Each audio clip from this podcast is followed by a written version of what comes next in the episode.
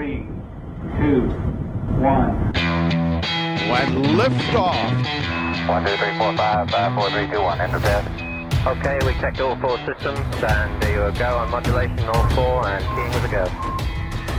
Quality base here. The Eagle has landed.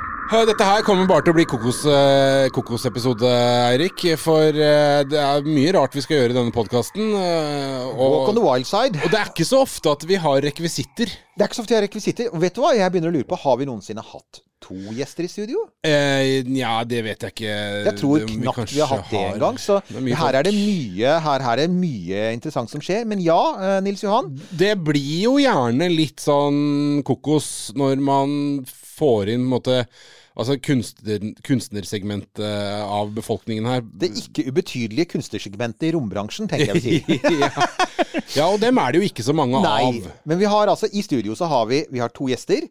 Vi har også uh, utrolig mye kult. Vi har 3D-printede romdrakter. Ja. En masse, både for mennesker og dyr. Det skal sies at vi har henvist til uh, skaperen av uh, en del av det utstyret her tidligere, for uh, du fikk tilsendt noe greier, for det begynner å bli en stund siden. Det begynner å bli en stund siden, og det er altså skaperen. Det er han som du hører humre her, Hans Gerhard Meyer. Hei, hei, forresten. Hei, hei. Nei, det var veldig han, eh, Ja, nei. Det, det blir kokos. Jeg har sagt det blir kokos. Dette kommer til å fortsette å bli kokos. For vi har sjelden så mye Og så er det, er det di- di- din partner crime, Frida Tørring. Hei, hei. Uh, og, og altså, ja, det stemmer. Hans Gerhard, som også går under navnet Smogdog, er på Instagram. Ja, Uh, og, og diverse steder. Uh, du, det er helt riktig, altså, du, du begynte med å sende oss um, uh, en 3D-printet Crew Dragon og en 3D-printet Nei, Crew Dragon var en kompis av meg som laga. Og det var en kompis av deg Ja, som det var Lars Petter som uh, printa den. Der har vi det. Men det var en sånn Apollo-klips, var det ikke det? Jo, eh, det var eh, karabinkroken som eh, Neil Armstrong brukte når han skulle ta sitt første steg. Pluss noen sånne visuelle ting også, mener jeg husker blant annet noe med en hund i romdrakt. Ja. Og, og jeg bare tenker, altså Sagt med det mest selvfølgelige Ja, ja, ja. Um, og, og, og, altså, og det som aktualiserer dette, det er at uh, du og Frida, dere har holdt en utstilling her i Oslo, ikke sant? Ja. Og kan ikke dere bare si litt om altså, Aller først, da. Jeg får ta gjøre det for at det skal være mest mulig struktur her, siden jeg da liksom er den som da skal Jeg pleier å være ansvarlig for å lage pratepunktene, og jeg har litt pratepunkter her. Men samtidig så har jo altså da Nils Johan bare sagt det de vil beng i. Men, men uh, mens eh, Frida, deg først. Altså, hvorfor sitter du her med en 3D-printet romdrakt i, i et studio? Du, jeg eh, Jeg drev med masse med cosplay tidligere. At man lager kostymer fra sånn type populærkultur, spill, film osv. Cosplay er kult. Det er kult. Men jeg var også med og drev det største arrangementet for cosplay. Og vi la ned for noen år siden. Og Ja, da hva var det de het igjen? Desukon het det. Ja, Og det var mange, mange tusen besøkende som kom hver dag i tre dager på varemessa i Lillestrøm. Og det var veldig kos, og da hadde jeg på en måte en grunn til å lage disse tidvis veldig gærne og veldig varme kostymeprosjektene. Eh, men så la vi ned. og det var ikke praktisk å drive det lenger. Og så begynte jeg å jobbe fulltid, og har hatt, eh, jeg har hatt flere fulltidsjobber enn faren min. Jeg tror jeg bytta nesten hvert år, ikke helt funnet ut hva jeg skal bli når jeg blir stor. Eh, men så til slutt, da, litt ute i korona, så fant jeg at nå måtte jeg begynne å gjøre med noe annet. Eh, så jeg søkte meg inn på design, og når jeg ble student på AHO, så fikk jeg plutselig litt mye fritid, og da Som er hva, forresten? AHO? Der. Arkitektur- og designhøgskolen i Oslo. Ok, ja. Og da fikk jeg plutselig litt mye fritid, og da dukket det prosjektet opp bakfra i huet igjen. Så siden september i fjor så har jeg sittet og laga den drakten, og så rakk jeg akkurat å bli ferdig til Men utstillingsåpning. men jeg tenker altså cosplay, for jeg, jeg har også vært veldig fascinert av det. Jeg husker Desicon også. Det var vel også Det har også vært i Oslo, har det ikke det? For jeg kan huske å ha vært på Jungstorget, og så plutselig så går det liksom en, en hel mangategneserie går forbi, og så går det noen orker, og så går det noen romvesener, og det var så utrolig kult. og Det var så leit når det forsvant. Men, men, men altså, så det var, poenget mitt er at du hadde, du hadde jo veldig mange ting å velge, velge så liksom hvorfor, var, hvorfor velger du en romdrakt og liksom ikke en enhjørning, for å si det sånn? Den, den er kul. Den er Det er enig faktisk kul. Det er essensen av kult. Jeg husker at jeg leste om månefeiene som bok da jeg var sånn Jeg lånte på biblioteket, kanskje seks-sju år. ikke sant? Og så er det noe med at de, de lagde disse tingene. Det er ikke, det, det er ikke sci-fi. Det er ikke sånn at det bare oppstår utafor skjermen. Det, det er noen som lagde det på ekte. Dette er som å måtte ha på deg for å komme deg til månen. Det var en farlig reise.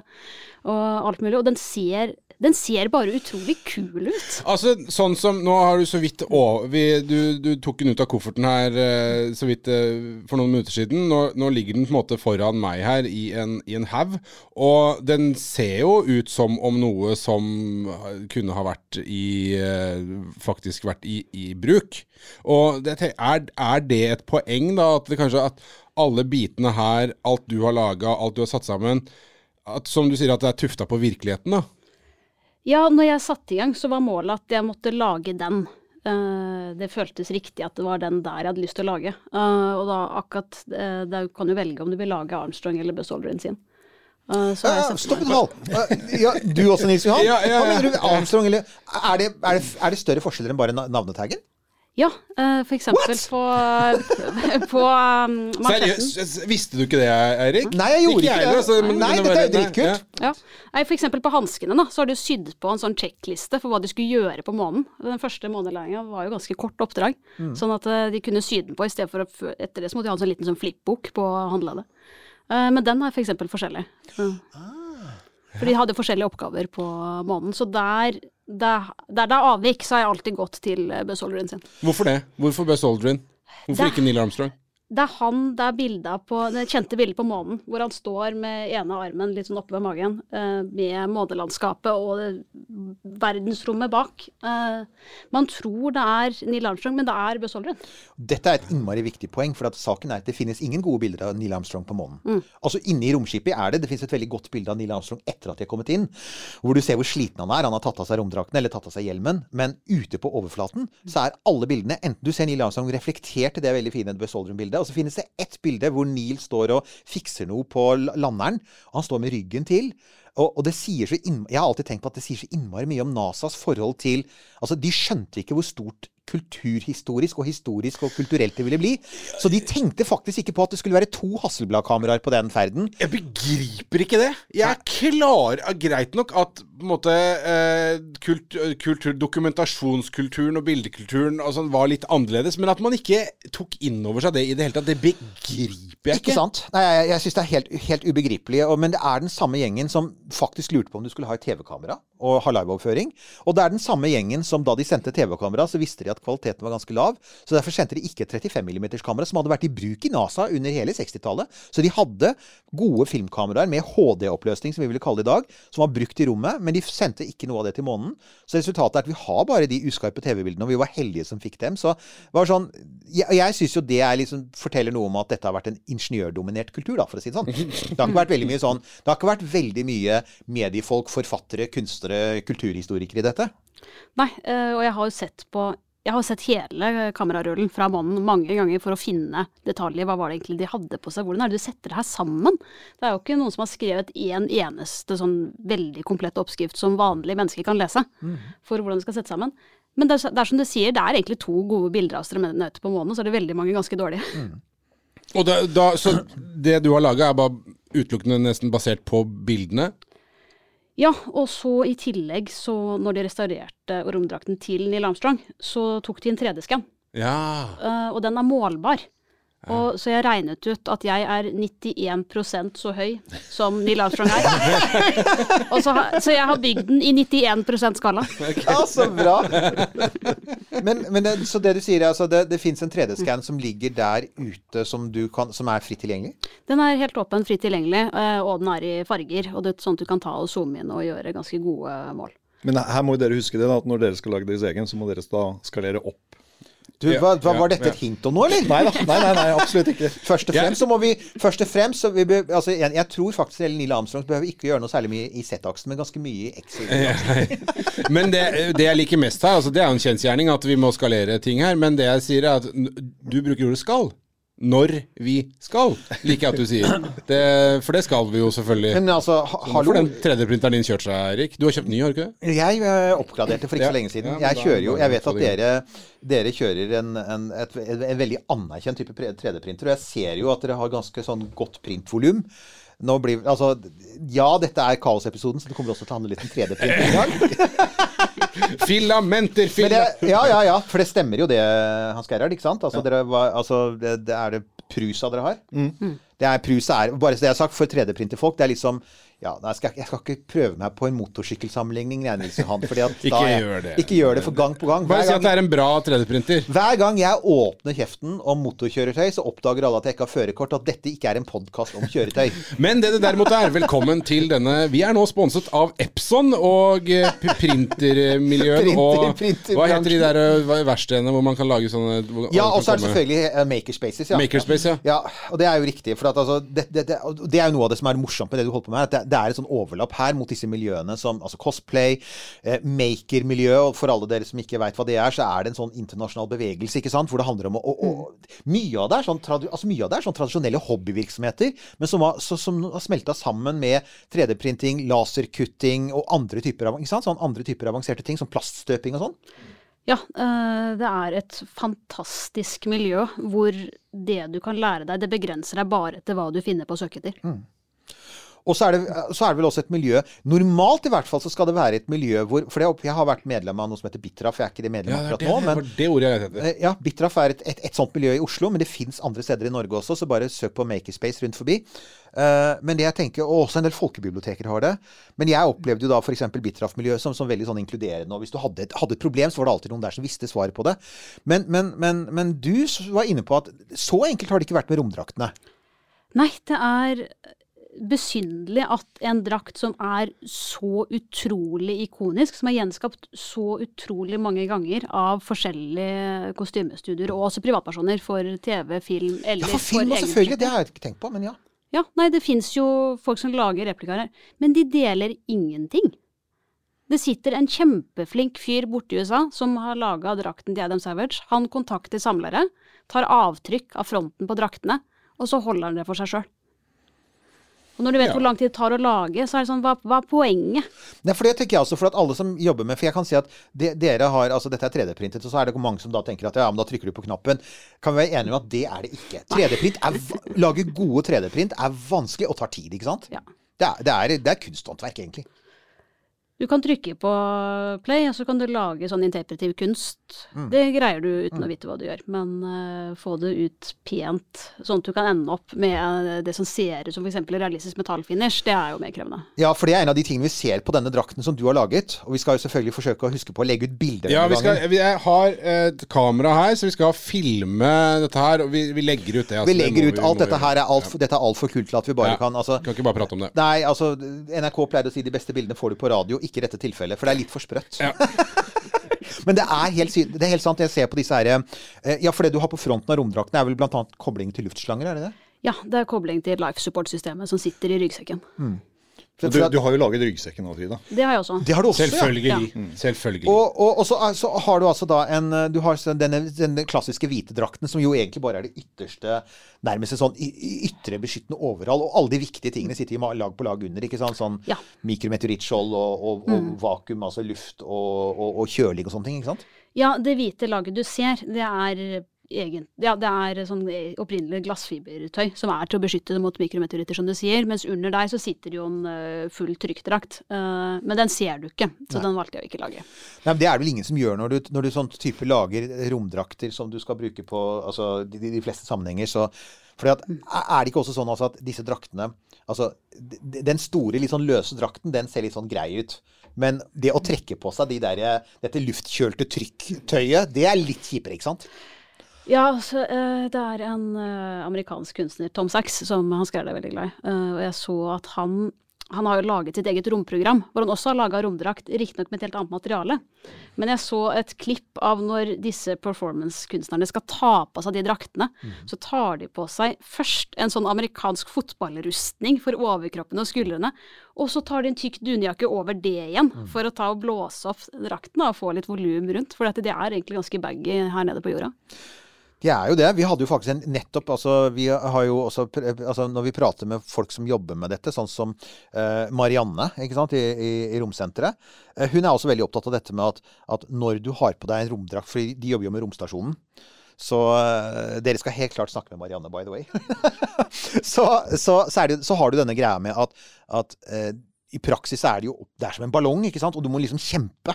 Altså Det er ikke sånn at du liksom bare kan bevege armene fritt. Nei, nei. Det er jo trygt der inne. Så det er jo Så i virkeligheten så, så, så, så hadde du på en måte motstand hele tiden.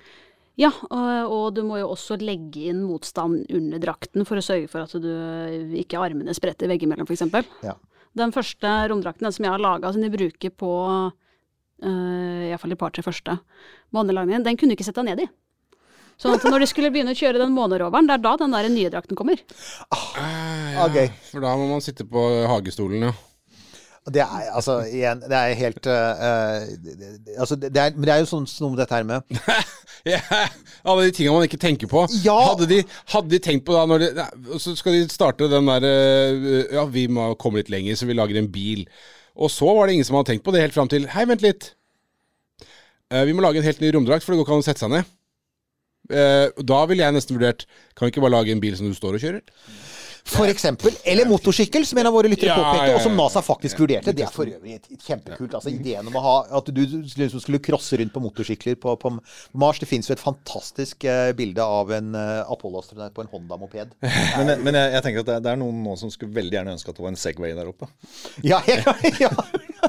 helt klart. Men du, jeg Vet du hva? Vi, uh, Ja. jeg, spørsmål her nå. Hva er det med um, dette med Apollo og uh, romferd, romfart, som har inspirert deg til å gjøre de tinga her? Ja, Hans Gerhard. Altså, du har jo Jeg antar at du altså, Det er en ren gjetning, men det er mulig du har holdt på med det litt lengre enn uh, en Frida. Altså sånn, tenker sånn rent aldersmessig. Uten Ja. å gå for mye inn på Jo det. jo, du har helt Altså, Jeg er eldst i rommet her uansett, ja, uansett, så jeg kan si det. Jeg har lov til å si det.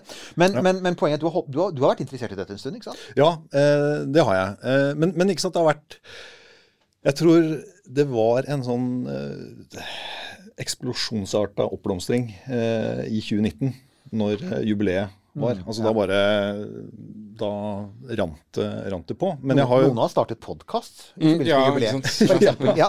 Ikke sant? Uh, nei, så, men, men og, som Nils Johan spør, altså, hva, hva er det som har eh, gjort at interessen er så stor for nettopp uh, Apollo og, og månelandingen? Uh, og det er vel, når jeg har da dykket ned i det, så er det altså den eh, gullgruven av informasjon som finnes der ute, takket være NASA og et statlig, eh, en statlig virksomhet som bare Altså Når du går inn på de nettsidene og finner dokumentasjon altså Du finner alt. Du finner eh, matvarene som de har spist hver eneste dag, til eh, ja, den eh, karabinkroken som er sendt til deg. altså Hvor alt ligger også fotografert med eh, centimetermål, eh, hvor den ble brukt. Altså Det er eh, Ja. Det er et kaninhull uten eh, sidestykke. Vi kjenner jo litt til det, for vi, det hender vi bruker um, lydklipp fra Apollo-ferdene. Mm. Det ligger jo der ute, ikke sant? Jeg hadde en, faktisk en lytter her, for, for, for vi får jo masse lytterhenvendelser. Ja, det en som spurte og, om Uh, og han var rett og slett nysgjerrig på dette, men vi hadde brukt noen klipp. Og så sa han hvor fant dere det? Han fant det på egen hånd. Ja. Uh, før, før jeg rakk å svare. Men, men det er veldig typisk. Mm. Altså, det er der ute. Everything is out there. Her må jeg for øvrig si at her finnes det jo en litt sånn usannsynlig helt. da. En av årsakene til at det er sånn. Det er altså NASA-loven i 1958 sier jo at NASA skal være et sivilt organ, og at NASA også har et formidlingsansvar og et åpenhetsansvar. En av de som overbeviste president Eisenhower, som jo var militær, og som egentlig så for seg en slags militær, et militært NASA, det var jo Richard Nixon som var visepresident. Så han var en av de som da pusha på for å si at det- det bør være sivilt for å skille oss fra sovjeterne. Sånn at vi ser bedre ut enn sovjeterne. Og i det bør og det- må alle se en viss ironi. ja, og det bør være åpent, fordi at sovjeterne var så innmari hemmelighetsfulle. For at, eh, altså, det, det ser man jo alle som har sett litt på sovjetisk romhistorie, vet at der er det utrolig mye gjetning.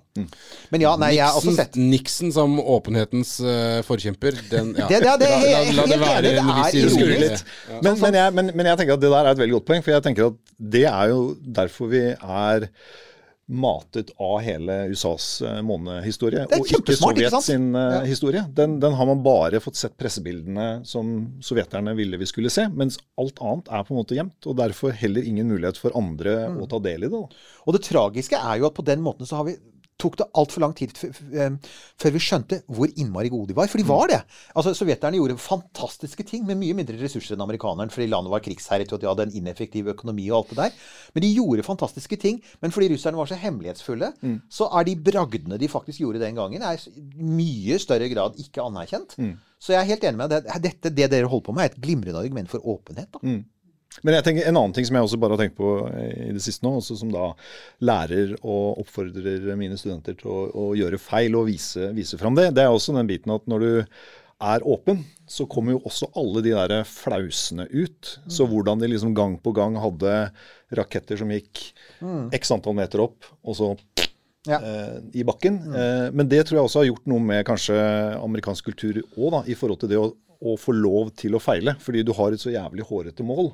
Sånn at du bare Ja, at det er lov å si at man satser, og Ja. så er det også akseptert at på veien mot målet, som sånn Semperfy man skal nå, så er det akseptert at det vil komme, komme failures.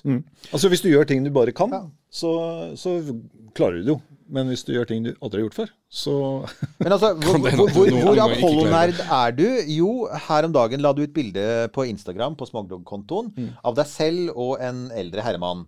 For, for hva var det for noe?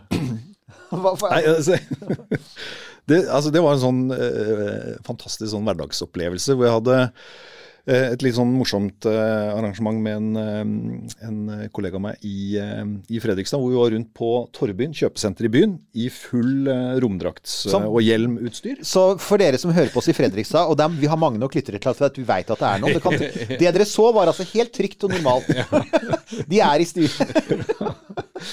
Eh, men i dette da, så, så var det litt sånn eh, eh, forsøk på, med en sånn interaksjon med de som var rundt på senteret. og da eh, Ved et tilfelle så satte jeg meg ned på en benk ved et e- ektepar. Eh, og så kom vi i prat, selvfølgelig, fordi du Hvilket man ofte gjør når man sitter i romdrakt på et kjøpesenter. Det er akkurat det. Ja, Det er fantastisk icebreaker. Du har, ja, ja. Et, eh, du har et forklaringsbehov, for å si det sånn. Eh, men i hvert fall i den praten, da, hvor jeg liksom bruker og prater mye om meg selv og hva jeg holder på med osv., så, videre, så går det en liten stund, og så sier han Tom, som han het, eh, Tom Simonsen, han sier da plutselig så sier han Du, eh, faren min, han, eh, han traff Neil Armstrong han, og hele Apollo-crewet.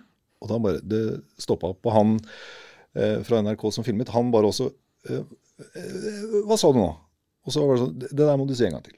Og da viser det seg at faren hans, Franklin, var sjåfør for Apollo-gutta når de kom til Norge. Og det klippet det kunne da han fra NRK hente opp. Eh, så jeg sendte det til Tom og bare Er det faren din? Ja, det er faren min som står med dress, medalje, åpner døren for Neil Armstrong på Fornebu.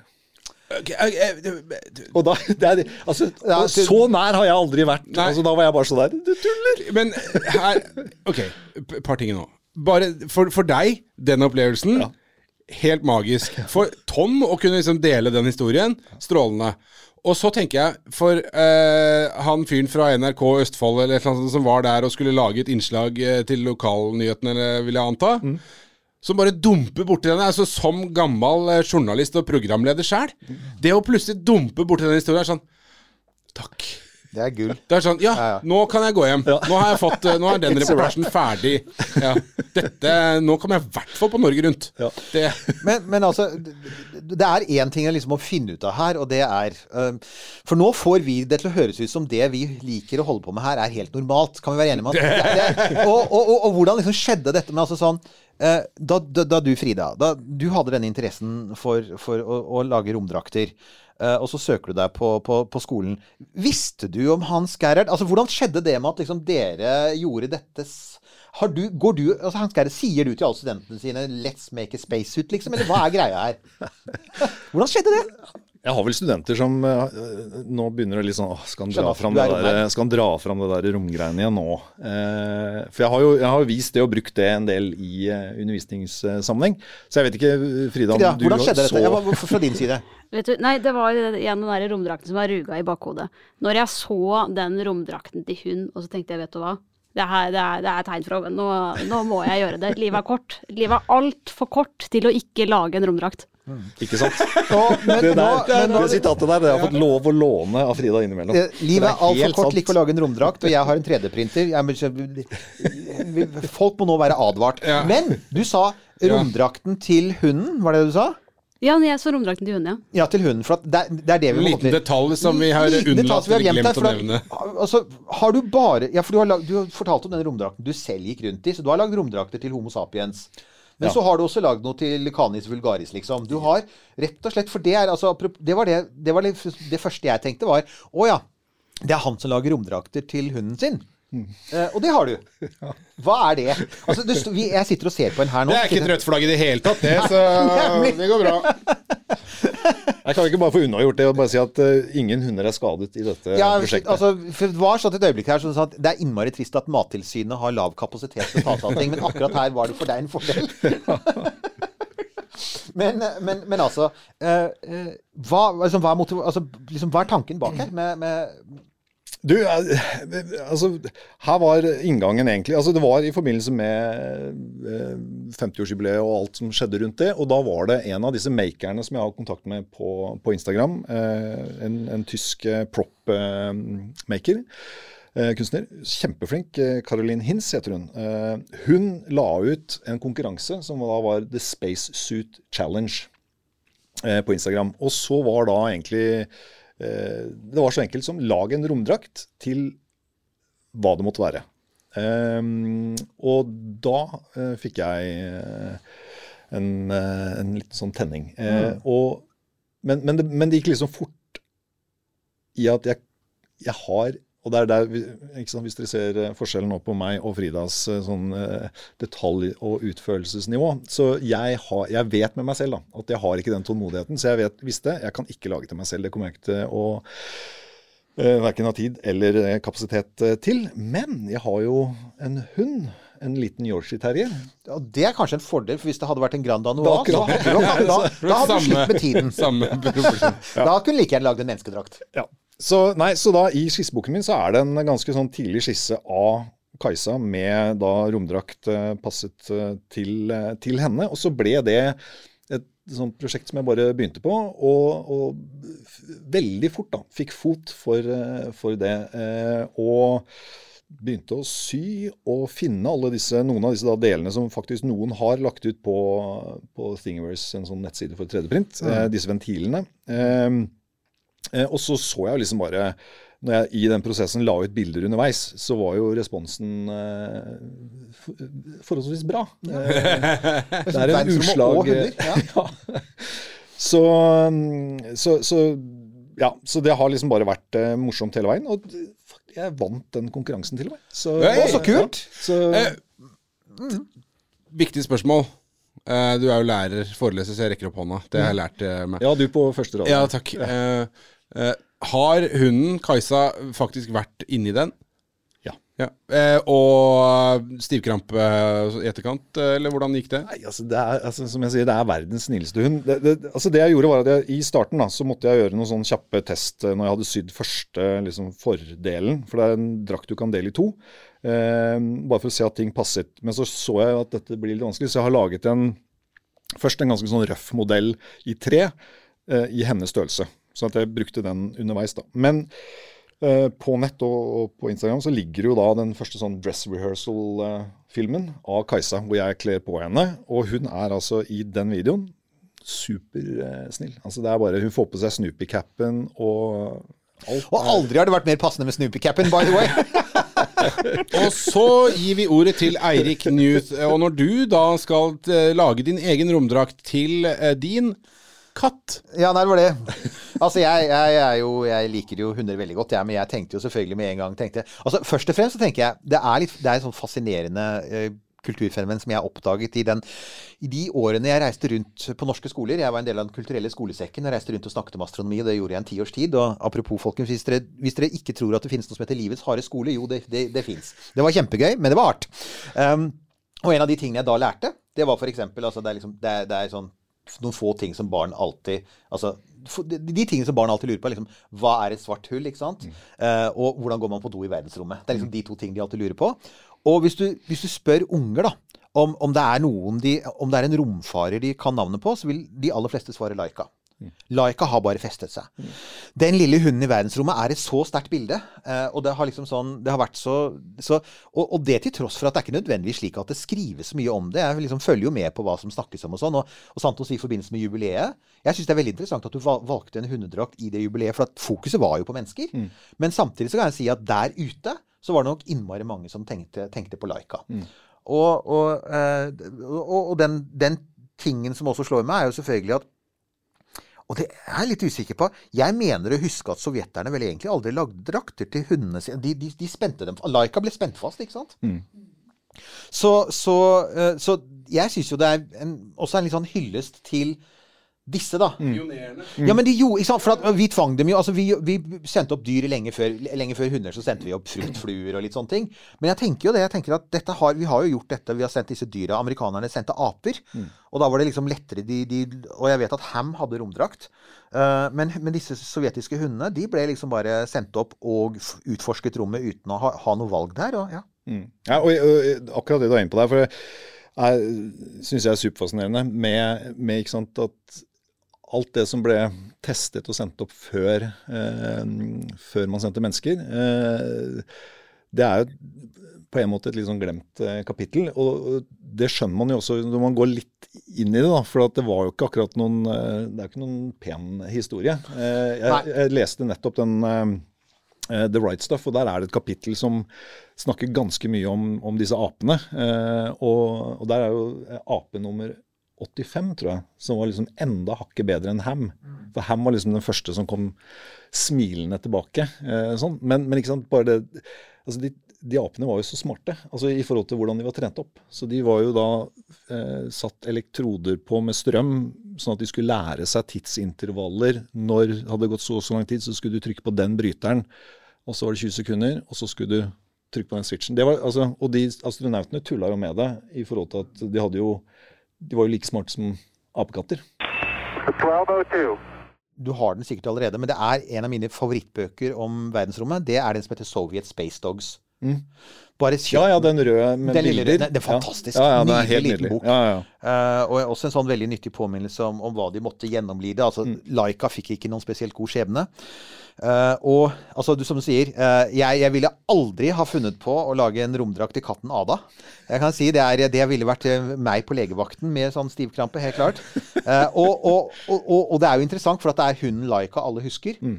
Langt færre husker sånn Belka og Strelka, som kom litt seinere, som faktisk kom helskinnet ned. Men, eh, men det er jo nesten ingen som har hørt om Felicette, som er den første katten i verdensrommet, som var i 63, fransk. Og som også fikk en trist skjebne, for hun landet trygt. Og så putta de elektroder i hjernen hennes og tok livet av henne. ikke sant? Fordi at de trengte å... Så, så ja, disse dyra har betalt en høy pris. Så jeg syns jo det er en veldig passende hyllest med at de faktisk får sin egen romdrakt. Og så tenker jeg selvfølgelig på jeg tenker selvfølgelig på Tintin på månen. Det gjør jeg jo. Og, og fordi at den romdrakten Jeg har jo sett bildene. altså, det, Man kommer jo ikke forbi det, for det er så mange som har vært inspirert av det. Ja, altså for at, ja, fordi at altså, bikkja til Tintin, eh, altså, som heter Terry på norsk, tror jeg, Milou på og- ja. den har en romdrakt som minner veldig om din. Og jeg vet at i presentasjonen din så har du et bilde av den, så jeg antar at du var litt inspirert av den òg. Ja, ja da. Og, og jeg, ikke sant, jeg har jo her har jo jeg, eh, og det her er litt sånn i maker-hodet, ikke sant, at jeg, jeg har jo vært inspirert av Apollo-programmet i forhold til eh, drakten. Men hvis du ser eh, Bare strekker jeg meg etter hjelmen her. Så ja. hjelmen har Den er jo langt fra eh, Apollo eh, sånn sett. Men, men det som var utgangspunktet her, var at jeg har et sånt verksted hvor jeg samler på alt mulig rart. Eh, og hjelmen er laget rundt visiret, for visiret var en sånn eh, plastkuppel som jeg hadde kjøpt på et eller annet sånn butikk i Spania for ti år siden. Eller sånt, og ligg, stått på hylla der.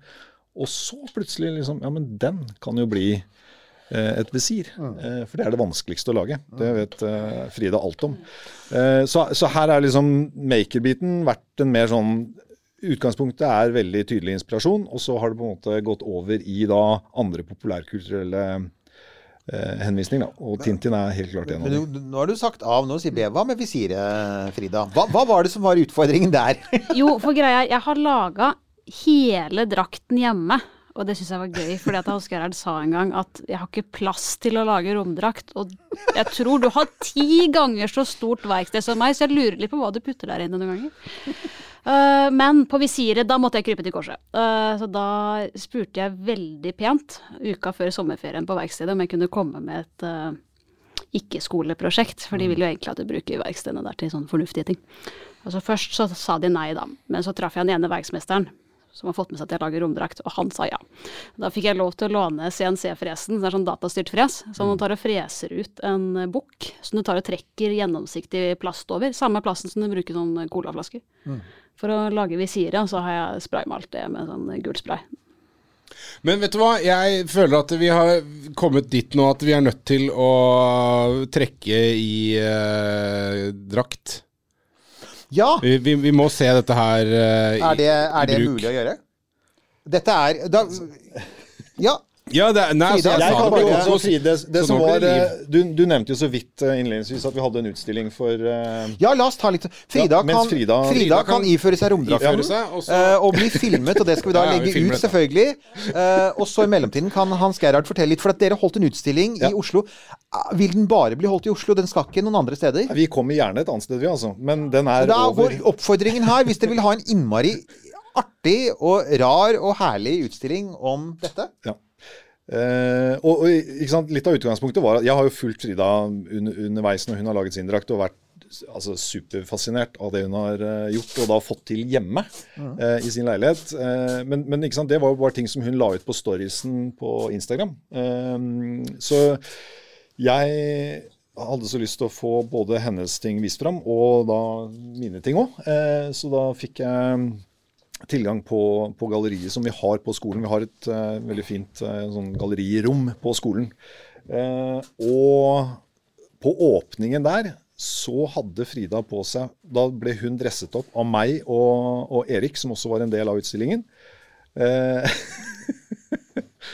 Kler Frida Det på er, seg det er faktisk ganske Jo, men vet du hva, det er litt morsomt, fordi vi veit at å ta på seg romdrakt i virkeligheten er kjempevanskelig. Og, og Frida trenger hjelp til å zippe den opp, og det er jo riktig også, for at det, er, det vanlige er vel med noen av disse store romdraktene at du alltid må være to, ikke sant? Ja, jo, men, nei, men altså, jeg vet jo blant annet at det var en sånn greie at hvis man noensinne, altså hvis man noensinne skulle redde folk ut av romferja i romdrakt, så hadde man et problem med at liksom sistemann eventuelt ikke kunne få på seg romdrakten, ikke sant? for du alltid ville ha to. Ja. Men, men eh, bare det, det jeg også brukte et lite sånn poeng av i den utstillingen, var at det vi har gjort, da, litt sånn som du også sa med, med Maker eh, Community og sånn, er at det vi har laget, det hadde ikke vært mulig for, eh, for ti år siden på det detaljnivået. Det er 3D-printing som er eh, Ja, dette er så bra. Ja, men altså, er det mulig også for, Frida har tatt på seg hjelmen? Hun er ut... Altså, hun det ser så Nå har ikke Frida med seg sin hjelm, da. Å nei. Nei, men det er, det er, det er så. Ja, nemlig. Og det er, jeg kjenner meg godt igjen i det. For jeg, jeg kan heller ikke frakte ting som er større enn at du kan ha på sykkel. Så dette er sånn Så for de av dere som bor litt lenger ute i landet, sli, sli, slik lev deg der i, eh, i byen. Men, eh, men ja. Jeg har tatt med det Jeg har Ja, tatt og med litt der- sånn Jeg har tatt med min sånn uh, fantasihjelm, jeg, da. Da kan du også bare Pinterest-hjelm. reise deg opp og gå bort fra mikrofonen. Kan- sånn. Så kan jeg heller kan, Nils Johan og jeg får kommentere dette live.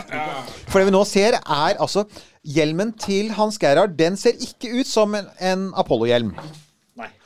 Og her kobles det til litt luftslange, og herregud. Altså, kan jeg bare jeg, Umiddelbar sånn uh, Halvorsen-assosiasjon her nå. Nå har det vært veldig mye sånne norske katastrofefilmer, og det er vel én veldig i kjømda nå. Men altså, uh, norsk sci-fi-film så har vi i hvert fall sett uh, og Costume Department klart Nettopp, ja. Her er det faktisk lys både inni og utapå hjelmen til hans Georg. Nettopp. Og vent, og vent litt, den hjelmen har sånn gult lys inni, og jeg får helt dette, Men det der er jo alien! Hallo! Det er alien. Vent litt, da. Ok, her må det Okay. Da skal det tas bilder her. Der er vi. Og yes. Og det er like før du får en facehugger på deg, Hans Gerhard. Dette er så bra. Det er nydelig. To Infinity and Beyond. Jeg oppdaget til min sjokk og horror at de skal lage forhistorien til Buzz Lightyear og slippe det som film neste sommer. Jeg har sett traileren og den Ja, ja, ja. Du, eh, Hans Geir, sett deg ned med hjelmen på, bare så folk kan høre den fantastiske lyden. Dette her er eh, Vi har nå Dette er for første gang i Romkapsels historie, så har vi romhjelmlyd. Jeg har jo også det jeg har, for det er også bare sånn eh, Jeg elsker de der elektronikk og panelene, sånn, så jeg har laget da en, sånn kom Ja, Med sånne fantastiske brytere med sånn rødt lokk på, så ikke du automatisk sånn starter tredje verdenskrig. Skal vi se nå om jeg får det til.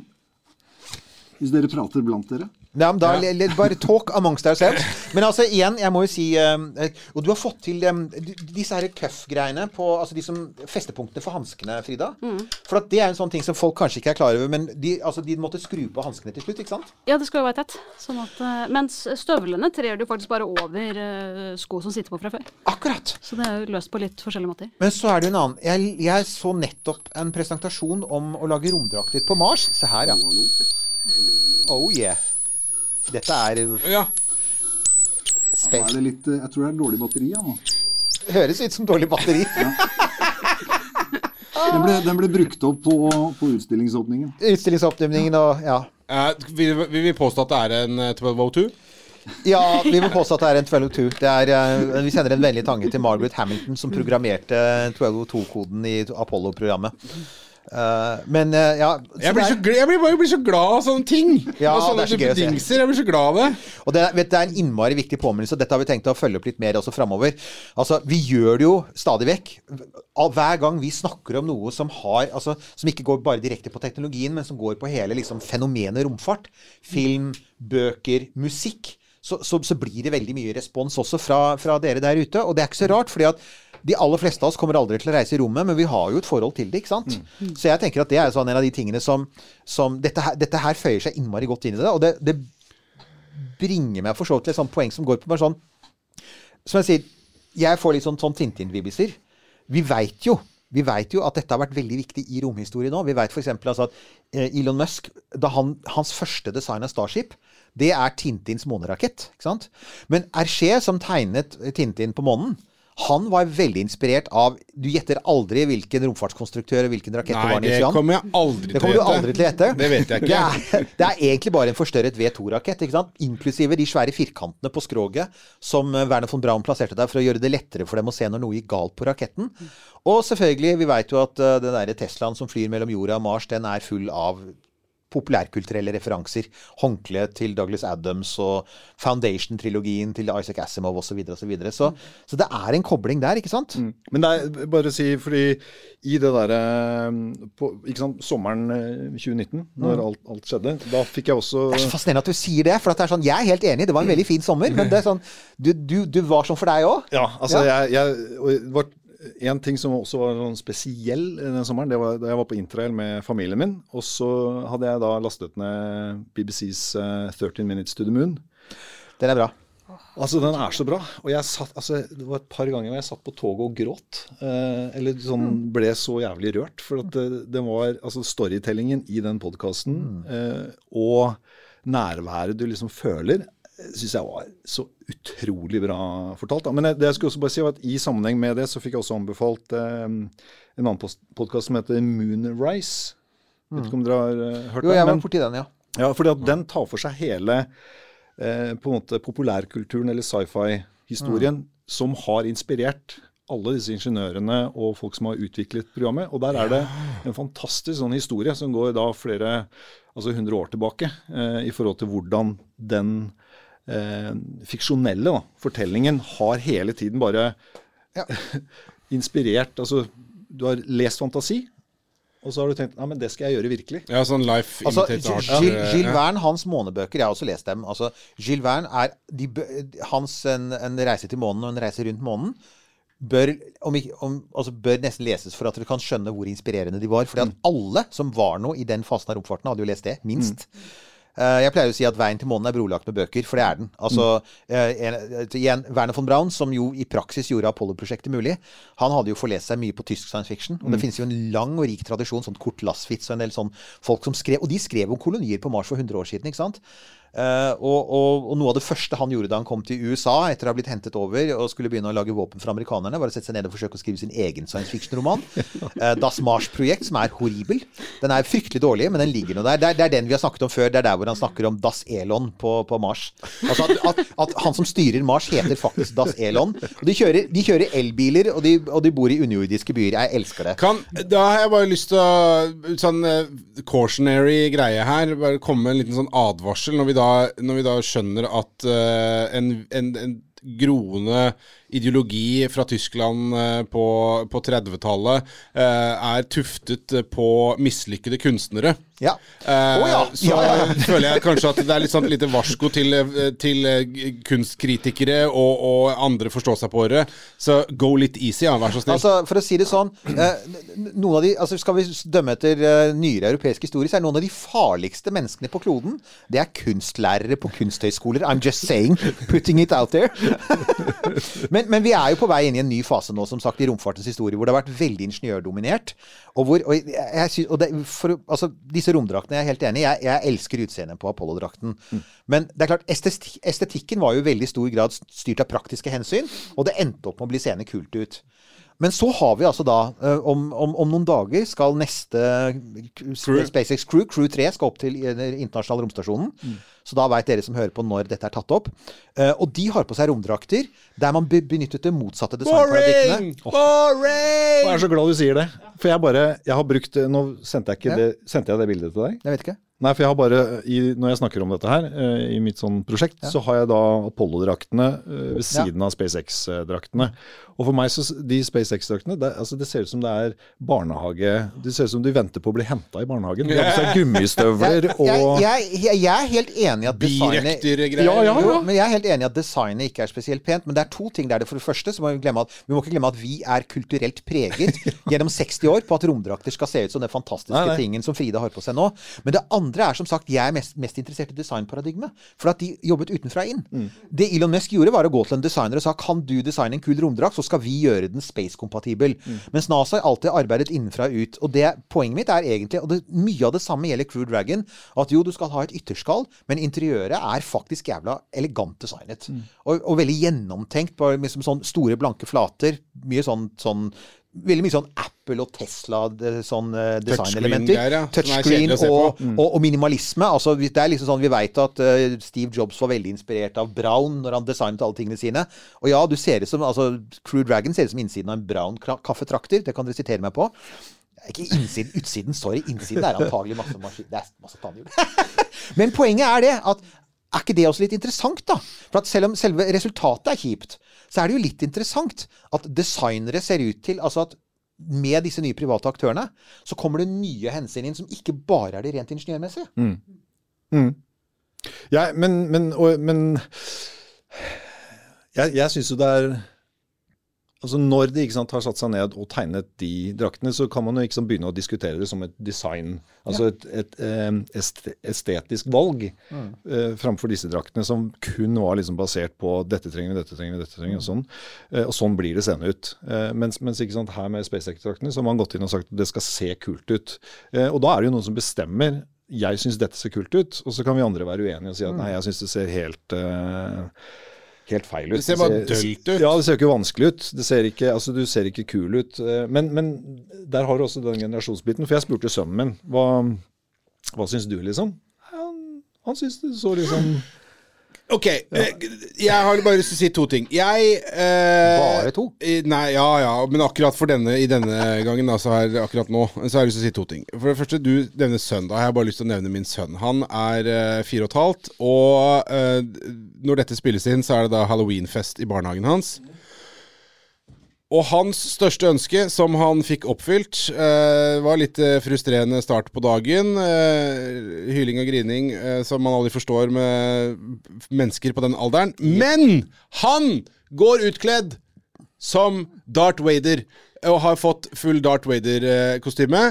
Og så er det et element med hele min fascinasjon for science fiction og for tradisjonell, la meg kalle det, romfart, er jo estetikken. Det går mye på det. Jeg elsker Altså uansett hvordan det designes, så er det et eller annet med det imaginære eh, funksjonen til ting og estetikken på det. Jeg så nettopp eh, begynte å se på en dokumentar om the making of uh, aliens.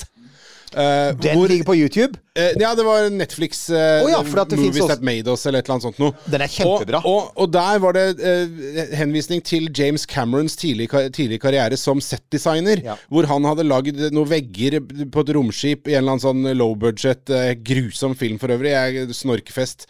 Eh, av noen sånn eh, fastfood eh, styrofoam-bokser. Sånne hvite bokser som du får hamburger oppi, som han hadde limt opp på en vegg og så malt, og så var det veggen på et romskip. Og der har du jo den estetikken som går igjen i drakta som Frida har på seg. Den funksjonelle estetikken. Her vet vi jo hva forskjellige tinga er, men i et eller annet sånn sci-fi-univers hvor det er ting som blinker, og det er noe rør og noe greier, og det er litt sånn mye av det her. Den der tanken på hm, hva gjør den? Hva er den greia til? Det er det jeg liker. Ja. Ja. Det, det det, kanskje det jeg savner i den SpaceX-drakta. Det er det at når du designer den først, og så putter du inn funksjoner etterpå, så forteller ikke drakt noe historie. Og det er nettopp det f.eks. James Cameron og alle gode regissører og sci-fi-filmer lykkes med. Det at det, Darth Vader har jo en million knapper på brystet. De forklares aldri, men du lurer på hva de gjør. Du skjønner at han eksisterer i et univers hvor disse fungerer. Det er sånn ærlig design. Mens Men, der, men der tenker jeg igjen at der er det sånn, igjen sånn, sånn, sånn Du har designparadigmet fra den, gamle ingeniørbaserte romfartsindustrien som du representerer.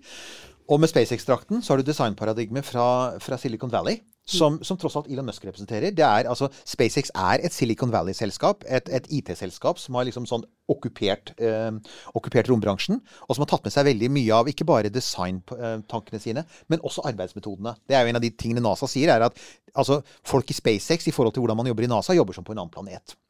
En av grunnene til at de hele tiden driver og styrter Starship-prototyper, er at de bruker rapid prototyping, som er veldig populært i maker-miljøet, veldig populært i 3D-printer-miljøet, men som er mye vanskeligere hvis du starter med liksom sånn stål og metall. Da tar det tre år med søknader. Jobber du i plast, eller jobber du med billige varianter og bare hiver dem på, så ser du hva du lærer. Så, er, så jeg mistenker at jeg, jeg, jeg tror nok at om ikke vi altså det, Jeg syns det er veldig synd at første gang de viste denne nye måten å tenke på, så var resultatet så dølt. Men jeg tror, jeg tror vi kommer til å se mye mer av det, for vi skal altså på et eller annet tidspunkt til Mars. Hvis de kan koste på seg å legge noe kabling på utsida da, så hadde jeg satt pris på det. Det, men, det, men saken er at en av grunnene til at draktene ser ut som de gjør, er selvfølgelig at dette er, ikke en, dette er jo ikke en outer space Nei. suit. Dette er bare en pressure suit. Det er bare en trykkdrakt. Og det er klart, hvis du ser på trykkdraktene som du har i jagerfly, så er de også mye enklere enn den du har, eh, Frida. Så, så det har nok noe med det å gjøre. Men det jeg også tenker, er at, at eh, den, den, altså Elon Musk er veldig var for sånne ting. Han hørte hva som ble sagt om det. De kan ikke forandre på det nå, for du må gjennom en sertifiseringsprosess. Så all teknologi på SpaceX nå er jo frosset. Du kan ikke liksom forandre på en skrue uten at NASA sier ja, men da må vi gjennom en ny sertifiseringsprosess. Men at, at den neste romdrakten fra SpaceX kommer til å se kulere ut, det er helt banna bein. For at han, han hørte oss. Ja, ja men, og, og jeg tenker at det poenget du sier der med sant, at dette er drakter som kun skal egentlig brukes altså Det er inni, eh, inni rakettene. Med en gang vi nå etter hvert skal begynne å se folk på månen igjen, og eh, eventuelt Mars, så må du jo tilbake. altså Vi vil se mye mer av de draktene som vi ser noen ganger nå på ISS, når de er ute og fikser ting og sånn. Men, eh, men jeg tenker sånn, det hadde vært morsomt hvis du hadde gått på sånt eh, party, maskeradeparty, og Frida kom i sin drakt, og du kom i SpaceX. Ja. Det, det, det, jeg tror det er først når du har på hjelmen din at noen liksom får Å, er det en romdrakt eh, du har? For, for øvrig så er det altså det, eh, du, du har jo altså det mest sånn eh, realistiske sånn alternative designet til NASA-drakter du ser, det er jo draktene du har i Kubriks 2001.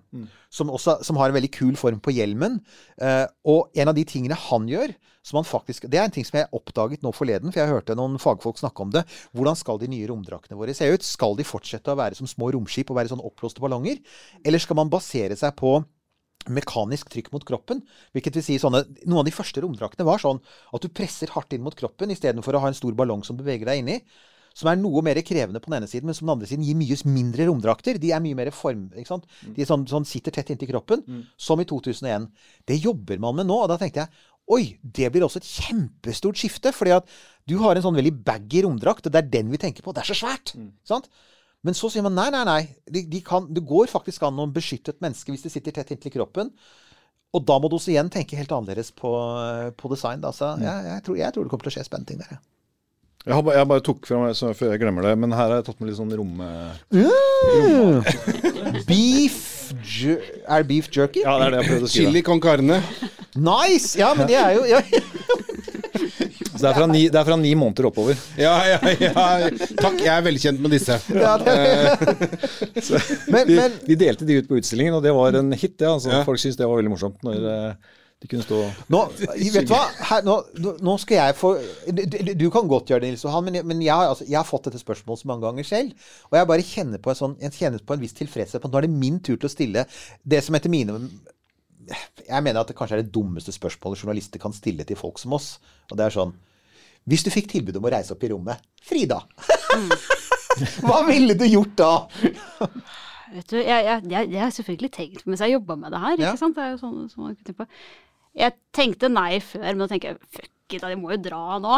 Herlighet. Altså, Du har jo outfiten klar. Ja, ja, jeg, tenkte, jeg, satt, satt- jeg har sittet og lurt på Skulle jeg liksom sendt melding til Norsk Romsenter? Nå blir det skjer noe greier på Andøya. Du, jeg har egen drakt, jeg. Kan ikke jeg bare sitte på med neste satellitt som skal opp? Jeg har egen drakt, ikke tenk, det trenger du ikke tenke på. Det er han snille Runar. Jeg har med egen mat, ikke tenk på det. Så jeg har Det egen Fins ikke til og med en sånn klassisk uh, science fiction-roman som heter sånn Have Spacesuit Will Travel? Du er der, altså. Ja, ja. En Heinlein-roman. Men hva med deg, Hans Gerhard? Altså, Yes, I, I have dog. He will, she will travel. Og, ja, for at, altså, nei, men, men, men helt seriøst så er det jo sånn Det har jo faktisk vært et uh, Og det har vært en sånn tanke som har vært der veldig lenge, og som jeg syns vi fikk en, vi fikk en sånn uh, interessant bekreftelse på da Jeff Bezos for en gangs skyld gjorde noe riktig og sendte opp William Shatner, for det var riktig. Det var riktig symbolsk. Det var riktig med tanke på alderen hans, altså at han representerte en, en, en veldig høy alder. Men også fordi at han kom ned på bakken, så sa han Jeg vet ikke om du har sett det, men det han sier, er veldig fint. Han fikk overview-effekten midt i fleisen, det der som alle Som veldig mange av disse iskalde ingeniørene og testpilotene faktisk får. Men som ofte, de ofte sliter litt med uttrykket. Og så skjønner du plutselig at vet du hva, William Shatner er kanskje ikke verdens beste skuespiller, men han er skuespiller, og han er kunstner.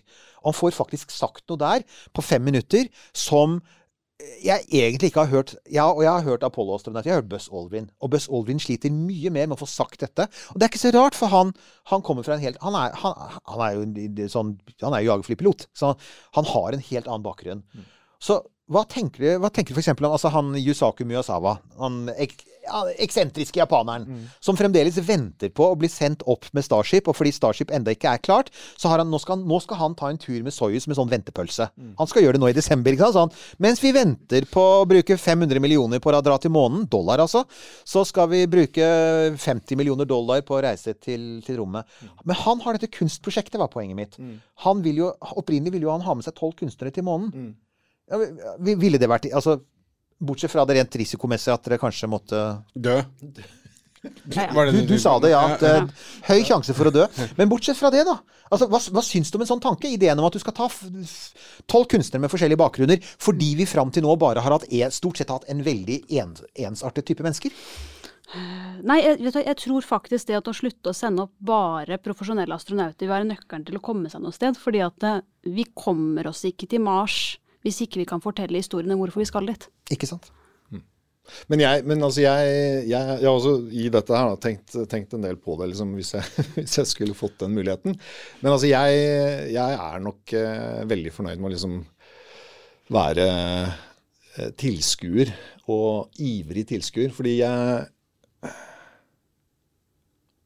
Nei, jeg, jeg vet ikke. Jeg, jeg, syns, eh, jeg syns det er det er så mange ting jeg fortsatt har lyst til å se her nede. Da.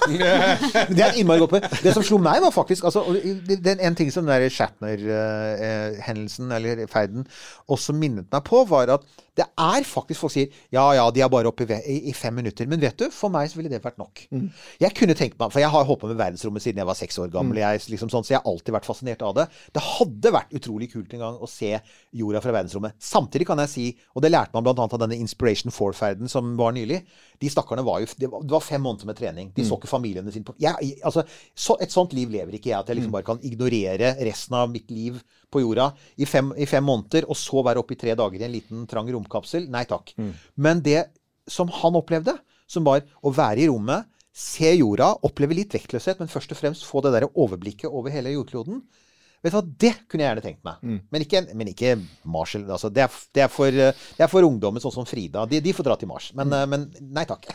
Jeg kunne tatt eh, begge deler, jeg. Altså hvis jeg hadde måttet, så hadde jeg måttet uh, den treningsperioden. Men jeg hadde, jeg hadde t- klar, levd fint med fem minutter også. Uh, null stress. Ja, men Altså, jeg, jeg skulle gjerne kjent den der vektløsheten. Det, Jeg tror det kan være ganske kult. Den kan man jo selvfølgelig få i 20 sekunder, men, eh, men, eh, men jeg tror det er det et eller annet med, med faktisk å være i rommet og være vektløs. Ja. Og det, det, det fins et klipp igjen av, de som, av den ferden, og du ser uh, Shatner selv, han klarer, han klarer nesten ikke å tro det. Han sier 'it's unbelievable'. Jeg bare, han tror det ikke. Han er i rommet og er freaking vektløs! Det er kult, da. Men eh, skal vi si det sånn eh, for denne gang? eh, takk for en litt annerledes episode, da. Ja, men samtidig så var den jo totalt on point, for nå Ja, har vi faktisk lært ting om Apollo-drakten som ingen av oss visste. Definitivt. Det har vi. Så, Takk for så, det, altså. så takk for det, Frida. Og, og vi har lært noe om eh, hunder i rommet som vi heller ikke visste. Så takk for det, Hans Gerhard. Katter i rommet har vi ikke lært så veldig mye mer Nei, om. det er dessverre ikke så mye å lære om. Nei. Uh, og så tenker jeg at dette da blir en veldig sånn vi har ikke alltid eh, Og det handler litt om at jeg, jeg ser ikke så mye trafikk på det. Altså, eh, vanligvis I podkaster er det vanlig å ha shownotes og legge ut lenker. Det hender jeg legger ut lenker, men det er ikke så mye trafikk på det. Men her er det helt påkrevet. Så vi kommer til å legge ut lenker til tingene deres. Du, Frida, du, du, du deler ting på Thingiverse og sånn, gjør du ikke det? Uh, ja, du kan søke meg på Instagram, Frida Tørring. Ja. Og, og, og du også har jo det, ikke sant? Dere, Ja. du, du, dere legger ting ut. Så dette her er Open Space Suit Initiative og sånn, det får vi også se om vi kan legge ut lenke til. Video av eh, draktpåkledning, Så- eh, dertil hørende kaos rundt. Sånn at dere ikke bare stoler på min og Nils Johans sin litt sånn sviktende evne til å visualisere ting. Ikke si det, da. Vi er kjempegode på det. Vi er fantastiske. Det er vi gode Vi har på. vokst opp med Radioteatret, hallo. Sånn er det. Så God aften, mitt navn er Cox. uh, og da setter vi strek, tenker jeg, før vi uh, før det går helt i viddene her. Uh, så vi må ta vår vanlige, Nils Johan. Ja, uh, vi er uh, på Facebook. Det kommer garantert noen Instagram-bilder fra dette. Og romkapsel.no. Der kan du gå inn og finne episoder hvis du vil gjøre det på den tungvinte måten og ikke gå rett inn på romkapsel fra f.eks. Spotify eller eh, Apple Podcast, der det heter. iTunes heter det vel ikke lenger? Nei, og så er det selvfølgelig også sånn at eh, Men på romkapsel.no, der kan du også få tak i f.eks. en T-skjorte. Det kan du i aller høyeste grad. Uh, merch at uh, romkapsel. Og jeg, jeg antar, by the way Oi, forresten, Hans Gerhard tar fra noe her. Å, du snakket om det! Ok. Buttons. Men, men du, bare sånn en liten ting, eh, Nils Johan. Ja. Du har til dem òg, ikke sant? Ja da. For at altså, folk som blir gjester i vår podkast, vi bare sier det, de får faktisk T-skjorter. Skulle bare Ja. mangle. Sånn må det være. Og se her, du! Å, nydelig! Å nei! En 3D-printet 3D-printet astronaut, og så button med romkapsellogoen. Å, så vakkert! Tusen takk! Så Dette er, så, dette er strålende. Dette skal ja. Nei, men det er så, så nydelig. Men, eh, men, men altså, de bøttesene kan dere ikke få, for de er våre. Ja. Men, eh, men dere kan få T-skjortene våre eh, på romkapsel.no. Og så er det selvfølgelig VIPS Romkapsel Newth Halvorsen. Så der er det også mulig, hvis dere har lyst til å støtte oss. Og så takker vi veldig dere to, da. Frida og Hans Gerhard, tusen takk for at dere kunne komme i studio. Tusen takk. Takk for at vi fikk komme.